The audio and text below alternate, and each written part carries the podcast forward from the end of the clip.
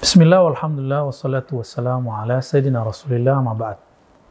Sahabat-sahabat dimulakan Allah, banyak yang bertanya tentang opini saya mengenai Taliban. Ini hanya sebatas opini. Ini bukan fatwa, karena saya bukan ahli fatwa. Ini juga bukan sesuatu yang suci, bisa jadi benar, bisa jadi salah. Namun saya punya opini, tentunya kita beropini tidak sembarang beropini. Karena semua dipertanggungjawabkan di hadapan Allah Subhanahu wa taala. Dulu yang saya tahu karena kita tidak ada di sana, kita hanya mendengar berita. Yang kita tahu dulu bahwa Taliban itu secara harfiah adalah para mahasiswa atau santri pelajar yang dulu belajar di India ataupun Pakistan, Doeban ataupun sejenisnya yang bermanhaj uh, kemudian bercampur dalam pergerakannya ketika berinteraksi dengan Al-Qaeda, Usamah bin Laden, yang Usama bin Laden adalah seorang yang bermanhaj Wahabi. Sedangkan Taliban ini dipertanyakan mereka manhajnya apa.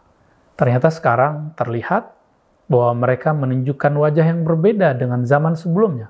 Di tahun 2001 misalnya, mereka lebih dekat kepada eh, sikap-sikap perwajahan yang dulu ada pada Al-Qaeda.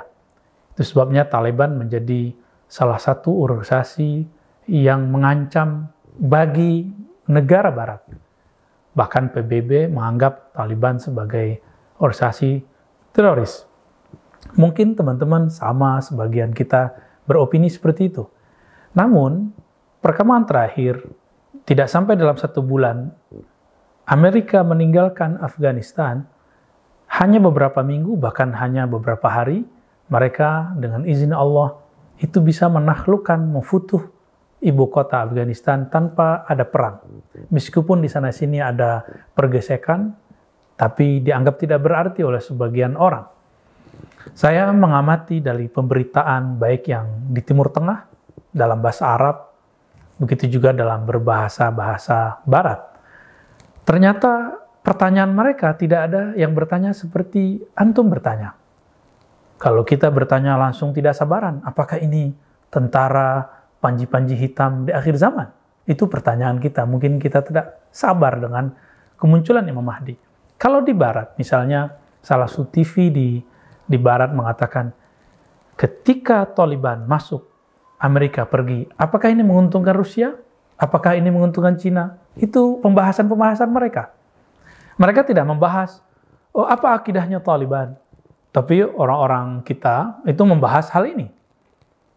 Apa yang mereka bahas? Mereka membahas kemudian apa yang sudah dilakukan Amerika di Afghanistan. Terjadilah perdebatan antara pengamat-pengamat dalam bahasa Arab mereka yang sangat fasih dan dan sangat uh, rumit untuk kemudian kita cari titik temunya. Sebenarnya apa ini Taliban? Namun sekilas kita mempunyai beberapa masyaikh yang mereka juga mengedepankan opininya tentang Taliban yang kita lihat perwajahannya hari ini. Ketika awal uh, memasuki istana, mereka membuka Al-Quran. Mereka juga membaca Dalail Khairat, bahkan Batoriko, Naqsyabandiyah, Khistiyah. Bahkan mereka bermazhab Hanafi, berakidah Ash'ariyah, Maturidiyah. Maka kemudian banyaklah simpati dari kalangan ahlu sunnah wal jamaah. Namun, framing awal yang dulu ada, seperti yang saya dulu pahami juga, itu juga belum hilang. Maka di negeri kita, bahkan di semua wilayah di dunia sekarang, ada dua kecondongan opini mengenai Taliban. Pertama, mereka masih dianggap sebagai gerakan yang aliran yang teroris, keras. Yang kedua, justru dianggap sebagai gerakan-gerakan akhir zaman pemegang panji-panji yang berasal dari timur. Tapi saya tidak tertarik dengan dua pandangan tersebut. Saya tertarik dengan pertanyaan yang antum sampaikan. Apakah Taliban akan menjadi pembawa panji-panji akhir zaman. Kalau kita melihat hadis Ibnu Majah, panji-panji akhir zaman yang datang dari masyrik, min kibalil masyrik, itu ada kejadian sebelumnya, yaitu yaktatilu indakum. Ya. Akan terjadi uh, kejadian nahas, membunuh, saling membunuh antara anak khalifah, anak raja, dan di sinilah tidak konsistennya sebagian orang yang membahas kajian-kajian hadis tentang akhir zaman. Uh, kejadian ini belum ada, tapi kemudian Taliban sudah diklaim sebagai uh, pembawa panji akhir zaman, sedangkan yaktatil itu saling iktital bunuh-membunuh antara anak raja atau anak khalifah itu belum terjadi. Lalu bagaimana kita kemudian memahaminya? Sahabat-sahabat yang melakukan Allah, kita bersabar saja dulu. Wala taqfu ma Jangan kamu berkomentar dulu sampai kemudian jelas. Maka kita ikuti saja perkembangannya, kita doakan yang terbaik untuk umat Islam saudara kita di Afghanistan. Wassalamualaikum warahmatullahi wabarakatuh.